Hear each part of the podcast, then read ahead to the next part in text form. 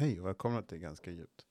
Jag heter Gustav Danielsson och denna veckan tänkte jag prata lite om eh, standup-kurser och standup-böcker. Jag hade nog gärna velat gått en standup-kurs när jag började för tre år sedan. Men eh, just då så fanns det inga kurser i Göteborg eh, där jag är. Jag tror det fanns en i Stockholm, men den skulle liksom vara ja, väldigt olägligt för mig just då. Um, det är ett lite splittrande ämne där inom standup-svängen. Att uh, gå sådana här kurser. Vissa är verkligen jätteemot att gå kurser. Utan säger att man ska liksom bara hoppa upp på scen så fort som möjligt. Och låta publiken döma en väldigt hårt. Och jag är lite kluven. Jag håller inte med om det. Jag håller, tycker att man, om det finns någon som kan undervisa i i det här så, så är det ju en, kanske en bra idé att ta vara på den kunskapen. Och jag tror nog att jag hade gått en kurs om jag hade kunnat. Men eh, det fanns liksom inte då. Men just nu i Göteborg så tror jag det kommer en Ludde Samuelsson, Ludde Samuelsson ska hålla en kurs snart. Jag tror jag såg på någon annons att Babben Larsson skulle hålla en kurs. Och sen finns det någon folkhögskola nu kommer min katt här och stör mig. Men jag fortsätter. Han undrar varför jag pratar in i micken här. Eh, men eh, aha, nu ska han gosa med micken här också. En du får hoppa ner. Eller ja, du, ja, ja. ja. Var var jag någonstans? Jo, alltså jag tror att det är jättebra med kurser och lära sig lite av grunderna. Och förstå lite om skämtskrivande etc. Och framförande antar jag väl att det är det man lär ut på de här kurserna.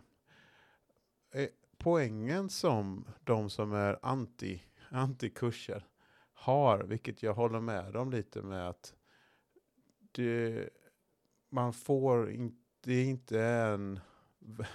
Okej, okay, publiken är väldigt ärlig mot den. Och har man en väldigt, lär man sig stand-up i en väldigt trygg miljö kom, kan man bli förvånad när man upptäcker att det inte är särskilt tryggt. Alltså, vad ska jag säga? Klubbarna är ju trygga, men eh, alltså om du inte är rolig så får du veta det ganska snabbt av en ärlig publik. Och de flesta publikerna är ganska ärliga måste jag säga. Men det finns vissa publiker som är väldigt snälla. Och det är jätteskönt att uppträda för en sån publik. Men man utvecklas kanske inte lika mycket av en publik som är jättesnäll hela tiden. Eh, det var nog det jag ville säga om kurser tror jag. Och jag skulle nämna lite de resurser som jag hade innan jag började. Då var det eh, en författare som heter, eller ja, han är en komiker och han har en YouTube-kanal också. Och han heter Greg Dean. Och han håller standup-kurser i Los Angeles. Och eh, han har väldigt mycket bra YouTube-material. Eh, och en annan kurs, en annan YouTubare som också är en komiker i Los Angeles som heter Jerry Corley. Och jag tror de har jobbat tillsammans till och med, men de har, de har kreativa åt olika åsikter nu för tiden. Men eh, Jerry Corley, han har ett Twitterkonto tror jag och en YouTube-kanal som heter Ask the Joke Doctor. Eh, det är ganska tarvliga titlar de har på något sätt, men det, de, är väldigt, de är värda att lyssna på på något sätt. Man, de, man, har, man kan lära sig rätt mycket.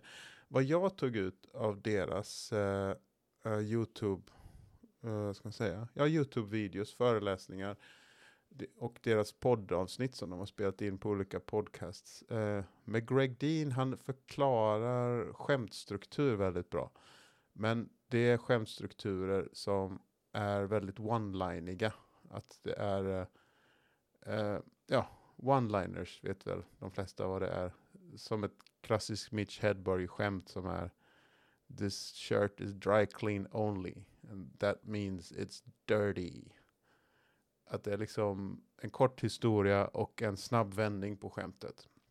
Och Greg Dean, han är väldigt duktig på att förklara hur det funkar och i hans bok har han ett rätt Ja, det är som med alla sådana här träningsprogram och skrivprogram att man måste, om man använder det så funkar det. Men det är ganska tråkigt och jobbigt och ointuitivt att skriva på det sättet. Men det funkar borde jag nog säga. Uh, den andra och en annan sak som han uh, trycker mycket på, att stand-up handlar mest, eller egentligen bara om relationen till, eller förhållandet mellan komikern och publiken. Alltså att publiken måste gilla komikern. Eller kanske inte gilla komikern, men de måste ha ett slags förhållande som man måste ta hänsyn när man uppträder. Och den andra komikern heter Jerry Corley. Och, eller vad ska man säga? Youtubare. Han heter Jerry Corley. Han har varit med på en del podcasts. Och han är väldigt duktig på att skriva skämt och pratar väldigt mycket om skämtskrivande. Och han är av skolan och att man skriver i volymskämt. Man bara skriver så många skämt som man kan. Och så får man, så får det några som är guld liksom där i. Men hans stora grej är eh, att publiken är i samma emotional state som komikern. Så är man liksom självsäker och vet att man kan leverera så är, tror publiken på en. Men är man nervös och flimsig och flamsig så kanske de inte hänger med en. Men eh, jag vet inte, jag tog med mig väldigt mycket av de, de influenserna. Eh, så jag kan länka de här. Det är alltså Greg Dean och Jerry Corley. Och den tredje stora är ju då Judy vad heter hon? Judy Carter heter hon. Judy Carter. Och hon har skrivit eh, två böcker som är väldigt, är väldigt stora inom stand-up-branschen. Och det är ju Comedy Bible. Och det, ja, det är bara den nya Comedy Bible och den gamla Comedy Bible.